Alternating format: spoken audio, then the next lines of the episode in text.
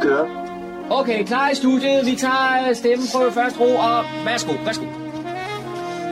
Du lytter til din egen radiomodtager. Fremragende, den er købt. Vi tager den, den her. Okay. Og med det så siger vi goddag og rigtig hjertelig velkommen her til programmet, der hedder Morgenkrøden. Mit navn er Kurt Kammersgaard. Den næste to timer har jeg fået den ære skal præsentere nogle af de indslag, som vi skal have i dag, eller har lavet på forhånd. Og så skal jeg også finde musik. Det er så mig, der får lov til at gøre det. Øh, vi skal som altid få lov til lige at kigge på lidt på, hvad, hvad, øh, hvad overskrifterne er her i, øh, i dagens uh, udgave. Uh, vi skal her i dag afsløre, hvem modtageren af Kulturprisen 2000, eller 2020 ja, her i Fredensborg Kommune er. Og det er, nå nej, det er nok bedre, at I bare venter til at høre det det første indslag her i dag. Altså modtageren af Kulturprisen 2020 i Fredensborg Kommune. Det har vi en snak om. Vi har også talt med formanden for øh, Visit Nordsjælland, han hedder Per Forst Henriksen, og det er i anledning af, at øh, Visit Nordsjælland, kan man sige, deltager kommunen at skrumper lidt ind. Og, og det er fordi, at Helsingør Kommune har trukket sig fra, fra samarbejde her med udgangen af 2020. Det gør så, at man skal flytte de kontor og administration, man, som man nu har. Det lå før i, øh, i Helsingør. Nu skal det så flyttes til Hillerød. Så øh, om ikke andet, så er der nogen, der får en ny arbejdsplads, og så koster det sikkert også en masse penge. Men hvad baggrunden er, det får vi en, har vi haft en samtale med Per Forst Henriksen, og det skal vi også høre her i løbet af formiddagen. Den nye højskolesangbog er, er kommer på gaden her nu. Vi har talt med en af medforfatterne til den nye sange, øh, og det er jo noget, der har været en del tale om, ikke også, hvorfor nogen skal med, og hvorfor nogen skal ikke med i den nye udgave af højskolesangbog. Vi er, giver en lille prøve på, øh, efter snakken med en af medforfatterne til en ny sang, og så skal vi også høre den nye sang, som måske er lidt, lidt anderledes, men det, det er så lidt forskelligt, hvordan man ser på det.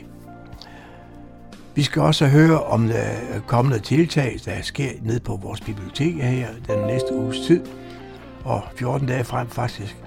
Og så har vi også lokale nyheder fra humleborg.dk, som Dan han har kigget lidt på, og så finder vi øh, nogle af hovedhistorierne ud, som vi hører om her i dag. Og endelig så skal vi uh, høre noget nyt om, at uh, det nu endelig har fundet øh, kan man sige, en fast plads i sted, hvor skulpturen, der hedder Oktober 43, den kan placeres nede i Humlebæk. Det har der også været rigtig meget snak om, hvor, der, hvor skulle den stå, hvor skulle den ikke stå, hvor måtte den stå, og så var der noget med fredens myndigheder, og jeg skal komme efter dig, der var ind over det her. Det ser nu ud til, at man har fundet en øh, løsning på det, og det hører vi også om her sidst i udsendelsen. Så velkommen til programmet, der hedder Morgenkrøden. Rigtig god fornøjelse.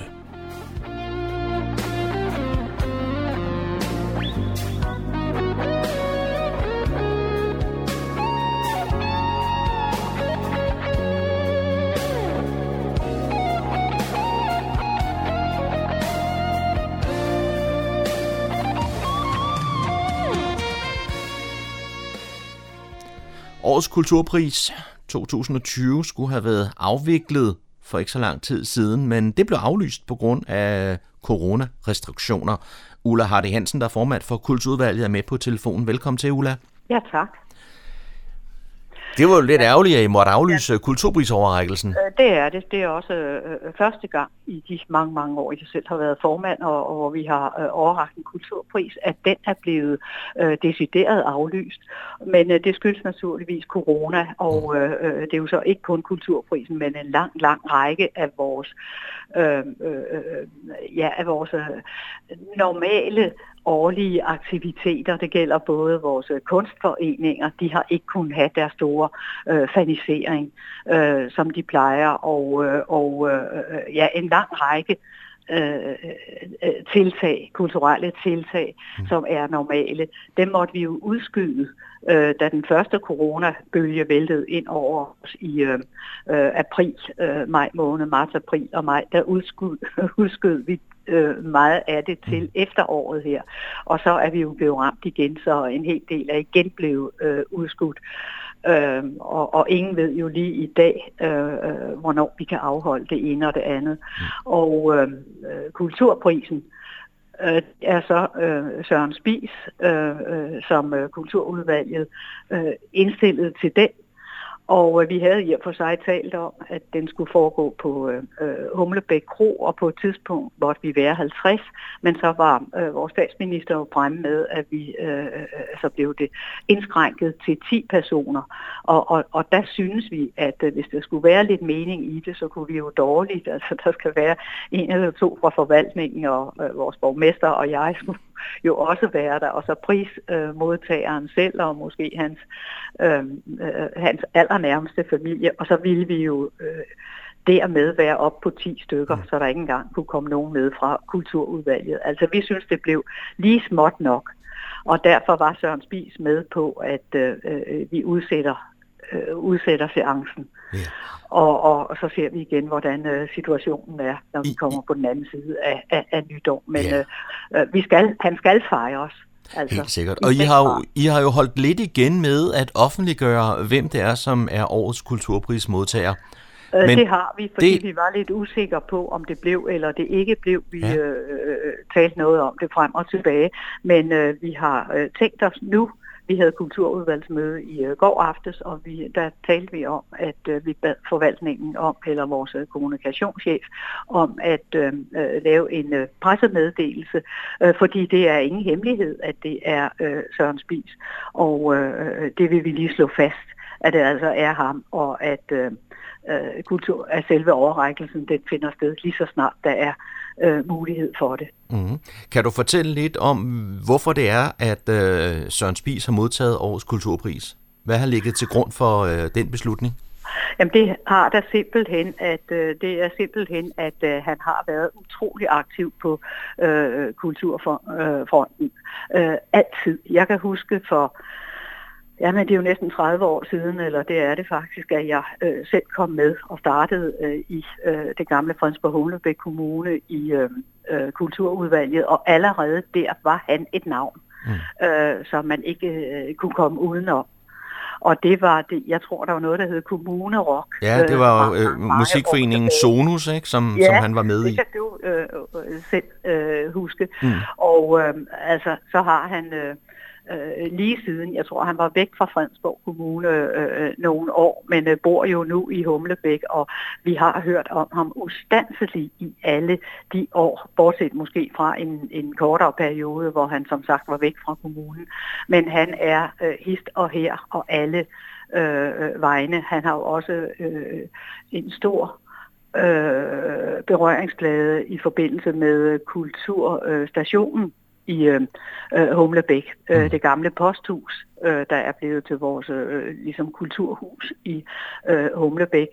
Øh, og øh, han har også det, der hedder Kulturforsyningen, hvor han er øh, formand. Og øh, jamen, han har lavet utrolig meget i øh, Humlebæk, også med vandringer øh, for nye øh, tilflyttere til Humlebæk.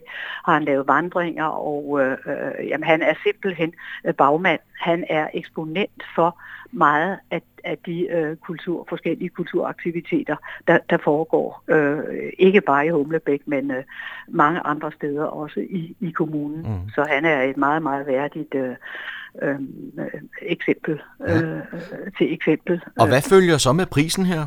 Jamen, der øh, 5.000 øh, kroner er mm. det på. Ja. Og så en ja, buket blomster. Ja, ja. Øh, og, og, og før i tiden havde vi også en, en lille ekstra gave, så mm. det kan øh, det, det, det kan der også falde af. Ja. Men øh, det er jo først og fremmest det skulderklap og den øh, ære, øh, det er, at øh, det, det må være nummer et. Og med det siger vi tak til Ulla Hardy ja. for information om Årets Kulturpris 2020. Ja, men selv tak stort og rigtig, rigtig godt velkommen hos os på Radio Humleborg. Din lokale radio på 104,3 på FM-bånd. Jeg er taget til Fredensborg, hvor jeg sidder sammen med Per Frost Henriksen, der er formand i Visit Nordsjælland. Og, og Per, hvad er Visit Nordsjælland egentlig for, for noget? Jamen sådan hele det, i øh, faglig forstand, der er det et destinationsselskab for turisme i Danmark. Der er en hel masse destinationsselskaber rundt i Danmark. Øh, Visit Nordsjælland er et af dem. Og nu er vi øh, fire kommuner, Halsnæs og Hillerød og Gribskov og Fredensborg, der er sammen om at lave turismearbejde. Øh, du siger fire kommuner, men oprindeligt var I jo fem. Ja, det har skiftet jo fra vi startede for over 10 år siden, og de, der var fem øh, her for nyligt, hvor Helsingør også var med, og de har så valgt at træde ud, og det gjorde, gør de nu her for udgangen af 2020. Og så er vi så fire tilbage. Men Visit Nordsjælland har jo også øh, deres kontor liggende i Helsingør. Bliver de så nødt til at, at flytte? Ja, så er det sådan, at øh, det har jo været lige fra man startede, eller vi startede Visit Nordsjælland for cirka 10 år siden, at der har det ligget i Helsingør, og Helsingør stillet lokaler til rådighed. Øh, så det har faktisk været en rigtig god ordning, først i Esbjerg og så nu her i Helsingør. Og det er klart, at når, vi, øh, når de træder ud, så vil de selvfølgelig ikke lægge lokaler til længere, og vi vil selvfølgelig også bo i, i området, hvor de fire kommuner er. Og det er så endt med, at det er blevet i Hillerød ude i industriområdet, der hvor øh, C4, som det hedder, Videnscenter, har øh, kontor ude på Krakersvej. Der skal vi øh, bo sammen med dem. Øh, der er blevet stillet lokaler til rådighed øh, for kontoret der. Og det er jo vigtigt at sige, at det er jo et kontor, det er et administrationskontor, det er ikke et turistkontor, så derfor har det ingen betydning, at det ligger lige der, at det ikke ligger i nærheden af store øh, turistattraktioner, fordi det er ikke et turistkontor, det er der, hvor, hvor medarbejderne arbejder fra. Det, at kontoret flytter, Betyder det, at der skal nye medarbejdere til, eller, eller hvordan er det? Nej, det har betydet sådan set det modsatte, at når vi er gået fra fem kommuner til fire kommuner, så er bidraget fra de øh, kommuner, der til sammen, det er selvfølgelig mindre, så derfor øh, har medarbejderstaben blevet øh, indskrænket, så nu er der 10, øh, og det skal der selvfølgelig ikke være flere. Det er det, der passer til det tilskud, vi får. Så vi har en dygtig medarbejderstab, som, øh, som fortsætter. Men det, at øh, der nu kun er fire kommuner med i organisationen Visit Nordsjælland, hvad betyder det for arbejdet? Jamen altså, det betyder jo det samme som før, at øh, der er en kæmpe opgave i at få øh, turister til øh, Nordsjælland og til de fire kommuner. Og, øh, og det, den opgave er, ikke blevet mindre af, at vi er gået fra 5 til 4. Der skal knokles, og i den situation, vi er i nu med corona, der er branchen jo både turisterhvervet som helhed og også enkelt del af det er jo fuldstændig nødlidende og har næsten ingen øh, omsætning, så derfor har vi en kæmpe, kæmpe op, opgave i at, at hjælpe øh, de virksomheder, som jo er, er noget på den, øh, vil jeg sige. Ikke? Så det er en stor opgave øh, stadigvæk, og, og det er godt, vi, at vi har øh, Visit Nordsjælland til den opgave. Selvom Helsingør Kommune nu formelt har trukket sig af Visit Nordsjælland, så kan det vel ikke undgås, at man er nødt til at arbejde lidt sammen. Jamen altså, alle i øh, branchen skal arbejde sammen, og det skal Wonderful Copenhagen, som Helsingør nu samarbejder med, de skal også samarbejde med os og omvendt, så øh, vi har øh, en forpligtelse over for hele erhvervet, og der er jo ingen, altså turisterne har jo ingen kommunegrænser, så derfor er det vigtigt, at vi er hele tiden er på bølgelængde med hinanden, og, og vi har tæt øh, kontakter til øh, Wonderful Copenhagen, og i øvrigt også til Visit Danmark, så øh, der, er et, øh, der er noget i gang hele tiden. Og, og det er klart, at, øh, at turisterne skal til området, og de vælger jo selv, øh, om de skal til Helsingør, som jo er en fantastisk by med, med mange seværdigheder. Så øh, det bestemmer turisterne jo selv, så derfor skal vi jo samarbejde med hinanden, selvfølgelig. Hvor længe har du egentlig været med i Visit Nordsjælland? Jeg tror, jeg har siddet bestyrelsen i en 7-8 år, og så her øh, i december måned 2019, der blev jeg formand øh, for, her, for, for organisationen, og det, det har faktisk været rigtig, rigtig spændende øh, hver at have. Er der nogle øh, specifikke opgaver, som I skulle tage fat på nu, som vi, vi skal høre lidt om? Nej, den, den store opgave var jo det med, at øh, Helsingør trådte ud, og der prøvede vi en proces, som vi kunne øh, overtale dem til at blive, og så har vi haft en, øh, en derefter en proces om, hvordan vi fire skulle samarbejde og lave nogle, nogle oplæg på det til de fire kommuner, så øh, det har været en opgave, og den anden opgave har været at, at holde øh, fokus på at få danske turister til at flytte rundt i Danmark, hvor vi så skulle have vores andel. Ikke? Så, det, så der har været nok at se til, både for den politiske valgte bestyrelse, men, men så, så sandelig også for, for kontoret med deres øh, dygtige medarbejdere. Et af de projekter, der har tiltrukket så meget opmærksomhed her de sidste par år, det er jo det, der hedder pilgrimsruten fra Esrum og så til Tisvilde.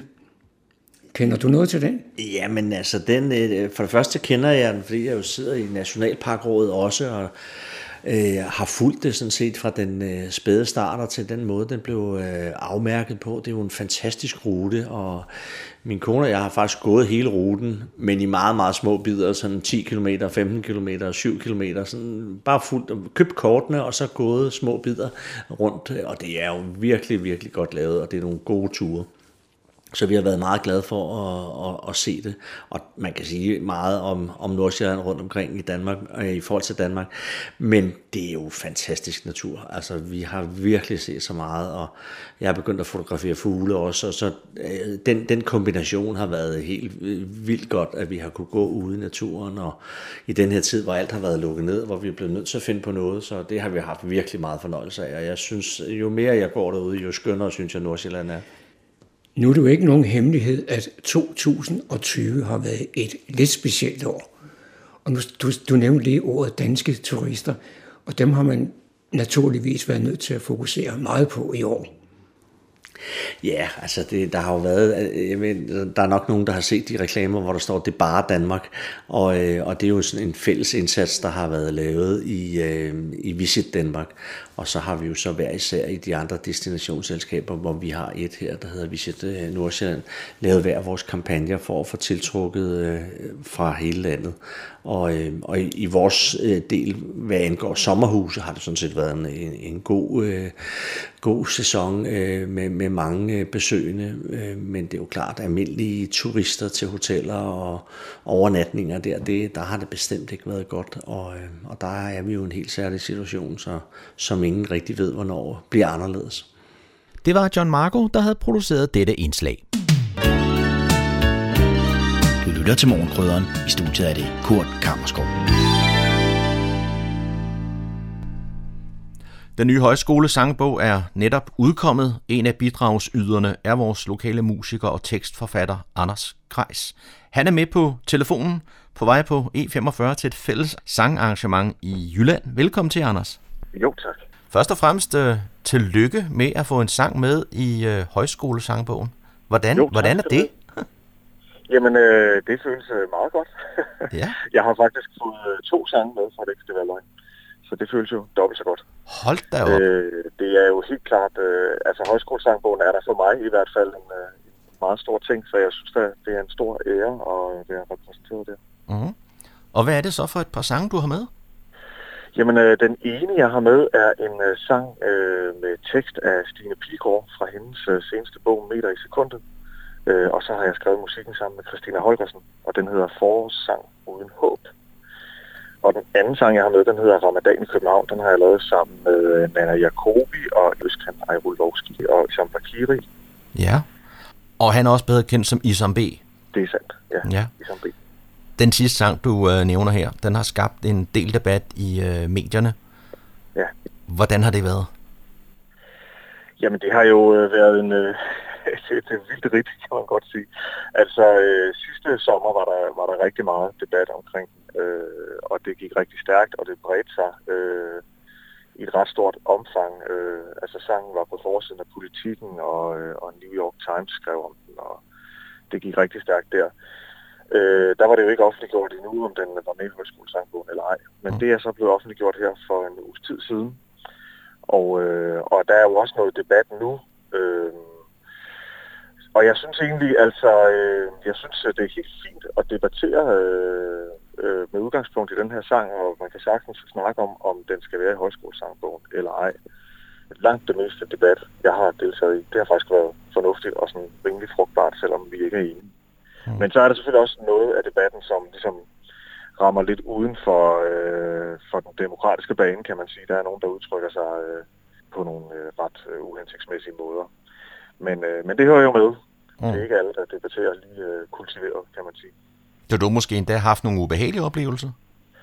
Ja, altså det har jeg. Øh, med sidste sommer kunne jeg, øh, kunne jeg læse på nettet på en stærkt højreorienteret side, at øh, der var nogen, der havde fundet ud af, hvor jeg boede, og det synes jeg var en landsforræder at foreslå, at de skulle tage op og gøre et eller andet ved det.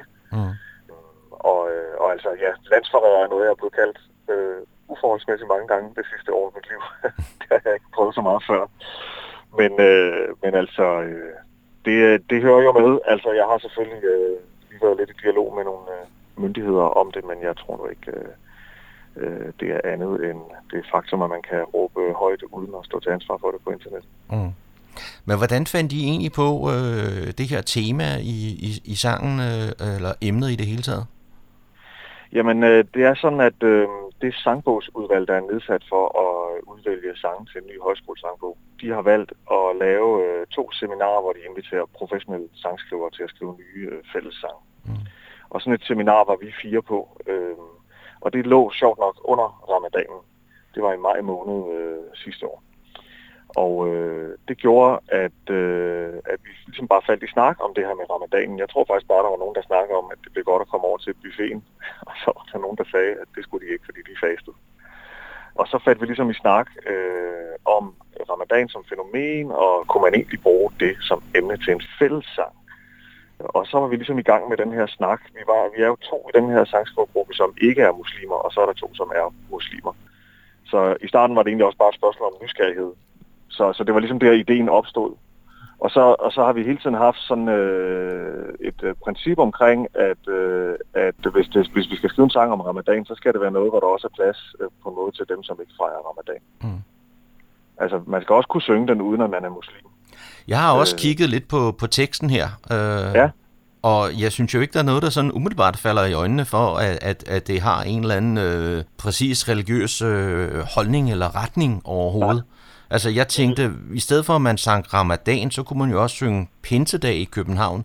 Og så ja. ville det jo passe øh, fint ind, øh, fordi resten af teksten, det handler jo simpelthen bare om livet i København på en specifik dag, altså. Ja, det er det, vi, øh, det, er det, vi også ligesom har tilstræbt, at, øh, at sangen skal egentlig bare være en beskrivelse af noget, der foregår. Det er jo ikke en sang, der siger noget om, hvordan man skal leve sit liv, eller at, man, at det er bedre at være muslim end alt muligt andet. Mm. Vi vil egentlig bare gerne give det her øh, billede af, øh, hvad der foregår i en større dansk by som København øh, under ramadanen. Mm. Øh, så vi har forsøgt sådan bevidst at, gøre det på den måde, øh, fordi der er heller ikke nogen af dem, som er troende i vores øh, sangskrivegruppe, som egentlig øh, har behov for at trække det ned over hovedet på andre. Altså, øh, og sådan, sådan er det da mit indtryk, at mange muslimer har det, at tro er, er et personligt øh, valg og, og, og en måde, man, man øh, selv kan bestemme, hvordan man vil forme sit liv. Ikke? Og så skal vi selvfølgelig høre Ramadan i København. Her kommer Isam B.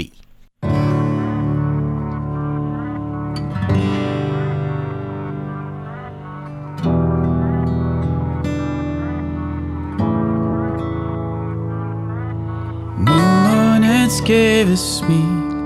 Lyset på fjerde sal Tegner liv på gardin. Vækket af nattegal Lys på lys Brænder i mørkets farve Hånd ved hånd. Ramadan i København. Solen den når sin top Cyklerne i en strøm. Varmen i byens krop. Blikket er fyldt af drøm. Lys på lys. Kæmper for finde vej Hånd ved hånd. Ramadan København. Når skyggerne de er længst Samler vi os igen. Ulvetimser i seng. I stemmerne er igen Lys på lys. Øjeblikket strækker sig. Hånd ved hånd. Ramadan København. Himlen er aftenrød. Glasset der fyldes så Dadler, mælk og brød. Glæden der følger tråd. Lys på lys. Tennessee, fødeby Hånd ved hånd. Ramadan i København. Stjernerne kigger ned. Kroppen vender sydøst. Panden mod tæppet ned. Ordene søger trøst. Lys på lys. Taknemmelighed. I hans navn. Han ved ham Nu rammer dagen København. Rammer dagen København.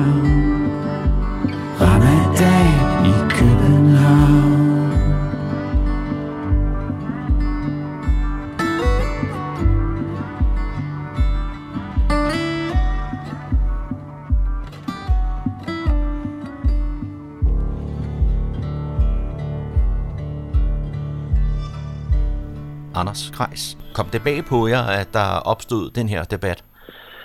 Altså både ja og nej. Vi vidste jo godt, at øh, vi havde fat i noget, som øh, kan få silen i kog. Ikke? Mm. Øh, så vi havde jo forudset, at der nok ville være nogen, der ligesom øh, havde nogle holdninger til det.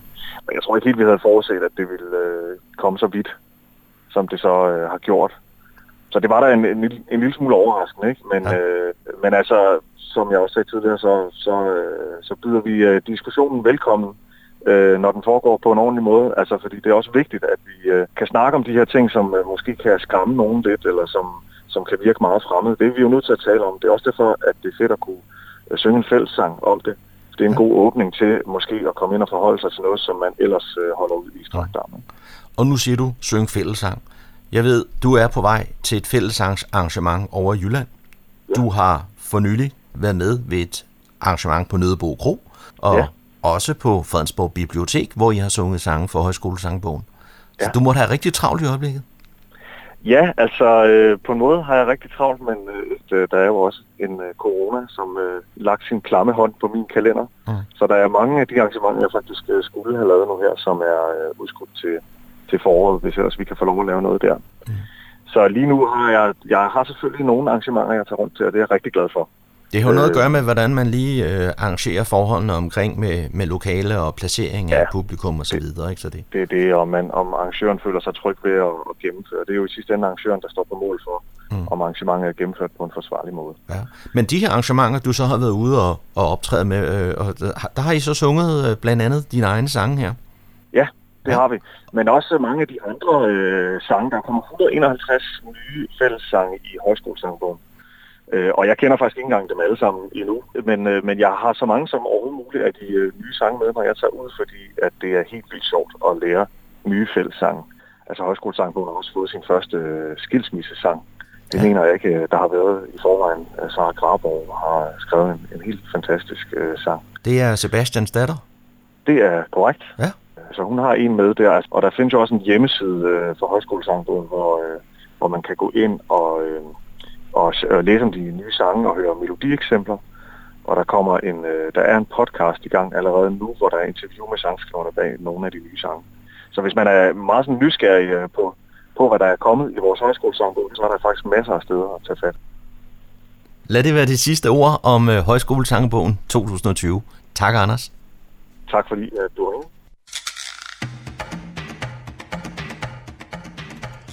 Radio Humleborg, så hvis du vil høre mere om... Hvis og hvis og hvis. Hvis der var pant på toiletpapir, eller Torgild Thyring var buschauffør.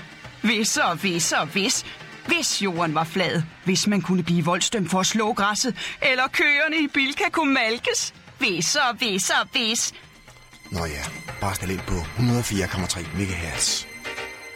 Med på telefonen, der har jeg Carsten Andersen fra Fredensborg Bibliotekerne, og vi skal høre lidt om de øh, ting, der foregår på bibliotekerne i, i denne tid, hvor at der den 21. november er et, øh, et foredrag med en lokal borger på Niveau Bibliotek. Og Carsten, hvad er det for et arrangement? Ja, øh, det er måske mere en samtale end et foredrag, men det er en, øh, en øh, ældre dame fra Niveau, Bodil Frederiksen, som øh, kommer og fortæller om sine erindringer fra besættelsen. Og øh, det er en samtale med en, en bibliotekar fra Niva Bibliotek. Og øh, hun har masser af minder fra, øh, fra den tid, hvor hendes forældre var involveret i modstandsbevægelsen og, og Frit Danmark. Mm. Og hun husker, hvordan øh, politiet kommer og ledte efter hendes far. Mange andre spændende ting. Det bliver nok meget øh, rørende øh, foredrag eller samtale, man får her. Øh, og det er øh, som sagt den 21. november. Øh, ja. hvad, hvad klokkeslæt er det, og skal man tilmelde sig i forvejen? Øh, det er klokken 14 og cirka en halvanden time frem, og øh, ja, det vil være en god idé at tilmelde sig. Men hvis man ikke tilmelder sig, så kan man også øh, følge det hjemmefra, fordi vi forsøger at livestreame det via Facebook.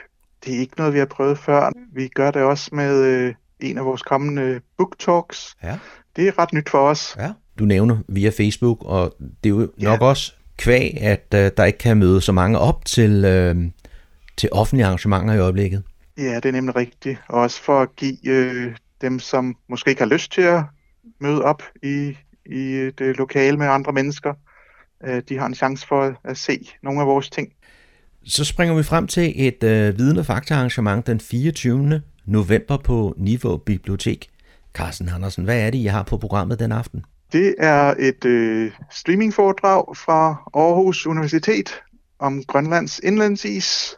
Ja. Der er jo kommet en masse ny viden om, om øh, indlandsisen, og så er det jo også øh, noget, man taler meget om i forbindelse med klimaændringer. Så der er lagt op til et virkelig spændende foredrag. Og øh, der er gratis adgang med billet? Det er rigtigt. Der er jo et begrænset antal pladser, ikke mindst her i coronatiden. Mm. Og de her streamingforedrag, de er populære, så man øh, skal ikke tøve for længe. Nu siger du jo det her med, at der er begrænset øh, antal pladser. Hvor mange må der være plads til, det, til den slags arrangementer? Det er jo forskelligt fra øh, bibliotek til bibliotek, hvor store lokalerne er. Men der skal jo være en meter mellem stolene. Det betyder så i, i niveau for eksempel, at der kun plads til 40, så vidt jeg husker, hvor der normalt er plads til over 60. Og på samme måde i, i Fredensborg kan der kun være omkring 40. Der er øh, drift om billetterne, fordi der er stadig mange, der er interesseret i at komme ud og se foredrag, og, og vi gør selvfølgelig også alt, hvad vi kan for, at det er sikkert, og øh, man føler sig tryg. Carsten Andersen fra Fredensborg Bibliotekerne i slutningen af november måned, der har I øh, nogle arrangementer, hvor at de mindste de måske kan være med. Den 28. november er det for eksempel øh, forfatteren Line Kyd Knudsen og YouTuberen Naja Mønster, der kigger forbi Humle ja. Bibliotek. Fortæl ja. lidt om uh, det arrangement. Øh, jamen, det er jo to meget populære mennesker for de 6-12-årige. Line Kyd, Kyd Knudsen, hun øh, har skrevet rigtig mange øh, populære børnebøger, som øh, ikke mindst piger er vilde med. Og så er der Naja, som øh, er meget kendt på YouTube i den aldersgruppe. Øh, hun har over 200.000 følgere, så øh, vi regner også med, at, at der bliver rift om billetterne her. Og netop uh, Line Kyd Knudsen har jo skrevet bøger, hvor Naja er øh, kan man sige, hovedperson i en fiktiv historie. Ja, det er rigtigt. Det er sådan hendes YouTube-verden overført til, til bøger også. Og nu uh, banker julen jo også uh, snart på dørene. Den 29. november, der uh, holder I et arrangement i Kulturhuset Fredensborg Gamle Bio. Og uh, fortæl, hvad det er for et arrangement, Carsten. Det er en teaterforestilling øh, for børn og deres voksne om Cirkeline, øh, som øh, øh, altså det er et juleeventyr med, med Cirkeline og hendes musevenner. Mm. Og det er også en lidt en juletradition, vi har med, med julebørneteater i øh, den gamle biograf i Fredensborg. Ja, det plejer da at være ganske populært, så vidt jeg husker. Det gør det, ja. ja. Men også her er der jo begrænset antal billetter i forhold til, hvad der plejer at være. Mm. Så øh, der skal man også skynde sig. Er der noget med, at øh, det er øh, børn, der har øh, hvad hedder det, gratis adgang med en billet, og så de voksne skal betale fuld pris? Det er rigtigt. Ja. Øh, voksne koster 25 kroner, og øh, det vil måske være en god idé, at man ikke er for mange voksne, voksne med, så så mange børn som muligt kan, kan få glæde af det. Og det er altså her den øh, 29. november, der er god jul med Cirkeline i Kulturhuset Fredensborg Gamle Bio. Det er rigtigt. Carsten Andersen fra Fredensborg Bibliotekerne. Tak for den her information om, hvad I går og, øh, og sysler med mellem boghylderne. Det var så lidt. Du lytter til morgenkrydderen. Så er det igen gået hen og blevet tid til lokale nyheder og informationer hentet fra humleborg.dk. De er oplæst og redigeret af Daniel Jørgensen. Louisiana Lecture byder på foredrag onsdag den 25. november kl. 19.30 i Louisianas koncertsal. Det er med geolog og professor Minik Rossing, der har en både dyb og bred indsigt i forholdet mellem jord, klimaet og mennesket. Her lader han sig inspirere af den japanske kunstner Tatsumi Kudos skildringer af en ny økologi, som aktuelt kan opleves på Louisiana i udstillingen Cultivation. Grønlandsk-danske Minik Rossing, der er professor i geologi ved Globe Institute Københavns Universitet, er blandt andet kendt for sin tilbagedatering af liv på jorden med 300 millioner år i forhold til tidligere antagelser. Rossing interesserer sig også for forholdet mellem kunst og videnskab. Han har ved flere lejligheder samarbejdet med billedkunstnere, blandt andet med Per Kirkeby og senest Olafur Eliasson. De to, Rossing og Eliasson, stod bag den klimaaktivistiske kunstværk Ice Watch, hvor de lod store isblokke smelte på Rådhuspladsen. Foredraget gratis for museets gæster, der er tilmelding på louisiana.dk. Miljø- og Fødevareklagenævnet tillader nu Fredensborg Kommune at opstille Per Arnoldis monument oktober 43 på Peder Mastrand i Humlebæk til minde om de danske jøders flugt i oktober 1943. Kunstværket består af 3x3 meter svævende flise i lys grå granit med en 2,3 meter tiltet båd i massivt sort diabas ovenpå. Båden peger mod det forjættede neutrale Sverige, men er endnu på land. Kystdirektoratet havde ellers givet afslag på ansøgningen om denne placering, men den afgørelse har Miljø- og Fødeklage nævnet netop nu ændret. Borgmester Thomas Lykke Petersen glæder sig over den nye afgørelse. Jeg er glad for, at vi nu kan markere denne vigtige del af vores fælles historie på det helt rigtige sted i Humlebæk, udtaler borgmesteren. Det var herfra mange jøder blev sejlet afsted til sikkerhed i Sverige i 1943, og derfor vil jeg gerne takke Miljø- og Fødeklagenævnet for at dispensere for naturbeskyttelsesloven for netop at kunne sikre den historiske korrekte placering af monumentet. Fredensborg Kommune ønsker, at monumentet kan indvies omkring den 4. 5. maj 2021 på årsdagen for Danmarks befrielse. Humlebæk Kunstforening holder udstilling med billedkunstner Bodil Ørs på Humlebæk Bibliotek fra lørdag den 21. november til tirsdag den 1. december. En udstilling, der kan ses i bibliotekets åbningstid. Billedkunstner Bodil Ørs er uddannet på det Kongelige Danske Kunstakademi i København. Bodil Ørs har haft mange separate udstillinger, såvel som gruppeudstillinger i både ind- og udland. Hun bor privat i Snækkersten og har atelier der. Hav og skov er lige ved siden af, og det nød hun godt af som inspiration til billederne. Første udstillingsdag er den 21. november, men husk at vi er i coronaens vold, så der bliver ikke holdt fernisering. Man skal bære mundbind og være højst 10 personer i udstillingslokalet ad gangen, så kom gerne fordelt, lyder opfordringen fra Humlebæk Kunstforening. Biblioteket holder åben mandag, tirsdag, onsdag og torsdag mellem kl. 12 og kl. 17 og lørdag fra kl. 10 til kl. 13. Det var, hvad vi havde fundet frem af nyheder og kulturinformationer for denne gang hentet fra humleborg.dk. Det var oplæst og redigeret af Daniel Jørgensen.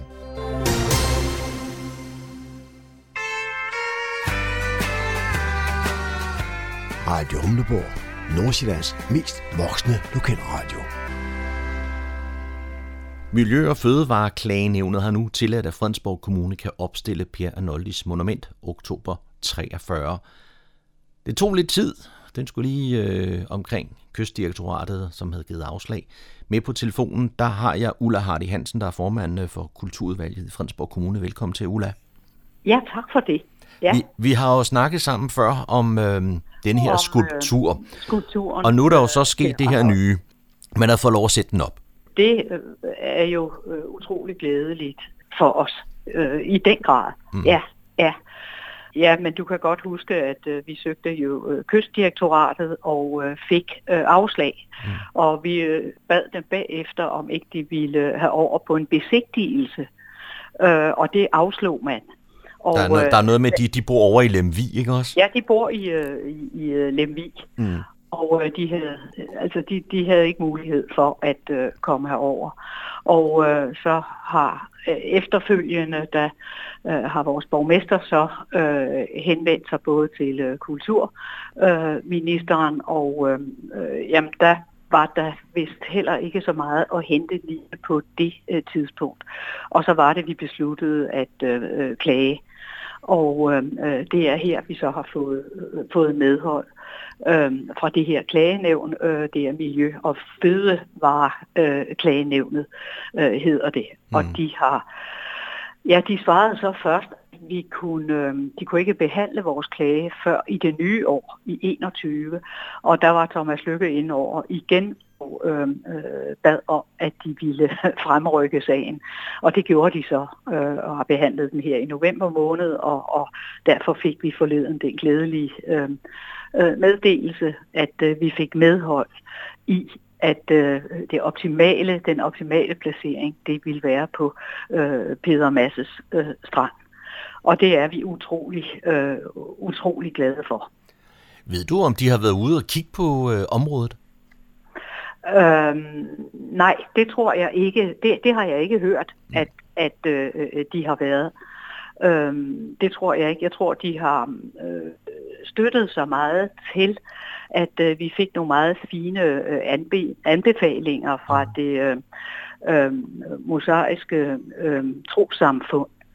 Og øh, jeg, jeg tror, de har øh, støttet sig øh, noget til, til øh, dem både fra øh, det politiske øh, niveau, os alle i, i, i byrådet har bakket op, og så fra lokalområdet, øh, de har udtrykt stor, stor øh, opbakning, og du har sikkert hørt om nogle af, af, af projekterne øh, dernede. Det er blandt andet Søren Spis, øh, der har... Øh, Jamen, der har været meget på Facebook øh, om, de har sat øh, små øh, flag op på Peder Masse Strand i massevis, og der har været en masse, masse mennesker øh, i lokalbefolkningen. Det er en masse, der har, bakket, der har bakket op om det.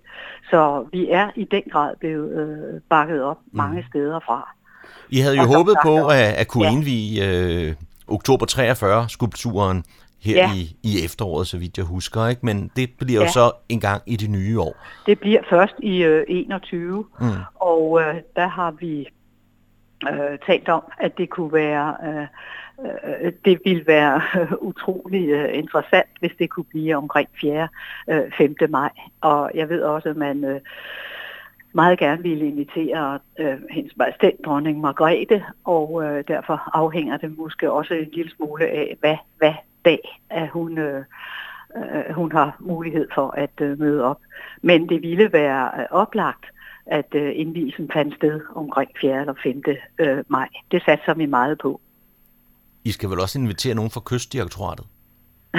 ja, det, det får vi at se. Øh, det, det, det får vi at se øh, til den tid, hvem, hvem vi inviterer. Men det bliver, det bliver spændende. Per Noldi er, er vel i gang med at få den øh, fremstillet, tænker jeg. Det er han i gang med nu. Ja. På, øh, ja. Og øh, så lover han, at den er klar til øh, maj måned? Det mener han, ja. Ja. ja. Så I har en, en god korrespondence med ham? erfaring for, ja. Det har han erfaring for, ja. ja.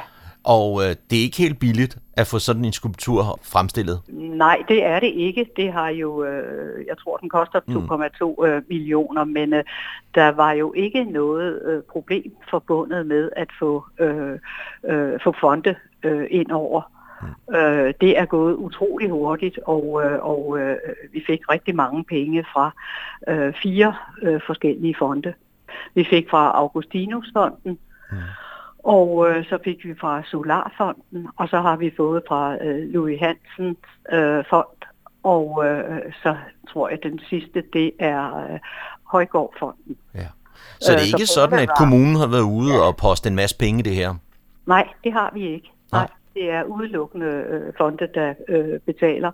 Og øh, så har vi jo et... Øh, er der er selv formand i vores øh, kunst, øh, øh, kunstråd, og der har vi naturligvis også lidt penge. Vi får lidt ind på kontoen øh, mm. hvert år efter budget 51.000, og der har vi så penge til at, øh, ja, det koster selvfølgelig noget øh, selve opstillingen.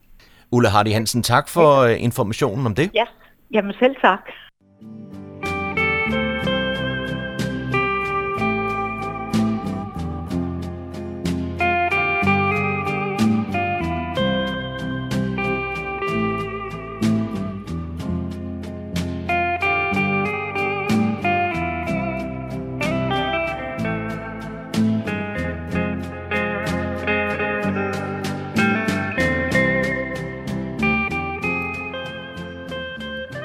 Disse toner fortæller os, at vi er nået til afslutningen på denne uges udgave af programmet, der hedder Morgenkrøden.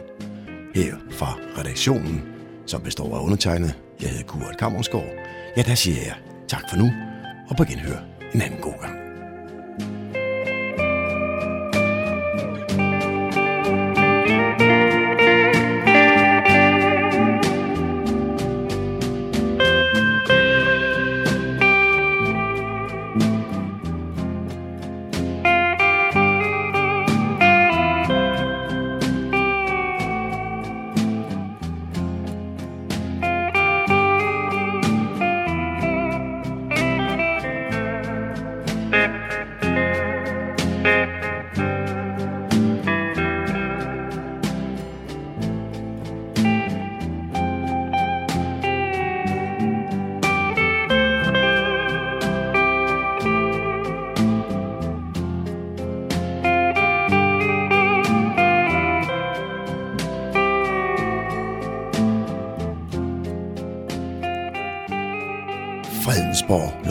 Radio, Radio Humleborg, Nordsjællands mest voksne lokalradio.